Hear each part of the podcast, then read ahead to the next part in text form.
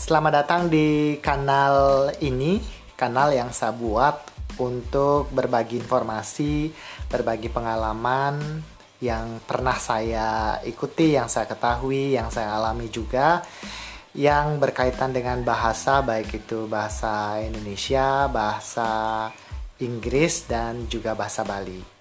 Sebelumnya saya perkenalkan diri saya, saya nama saya Nyoman Sutrisna, saya seorang staff di Balai Bahasa Bali dan saya juga merupakan seorang pengajar bahasa Indonesia untuk orang asing BIPA.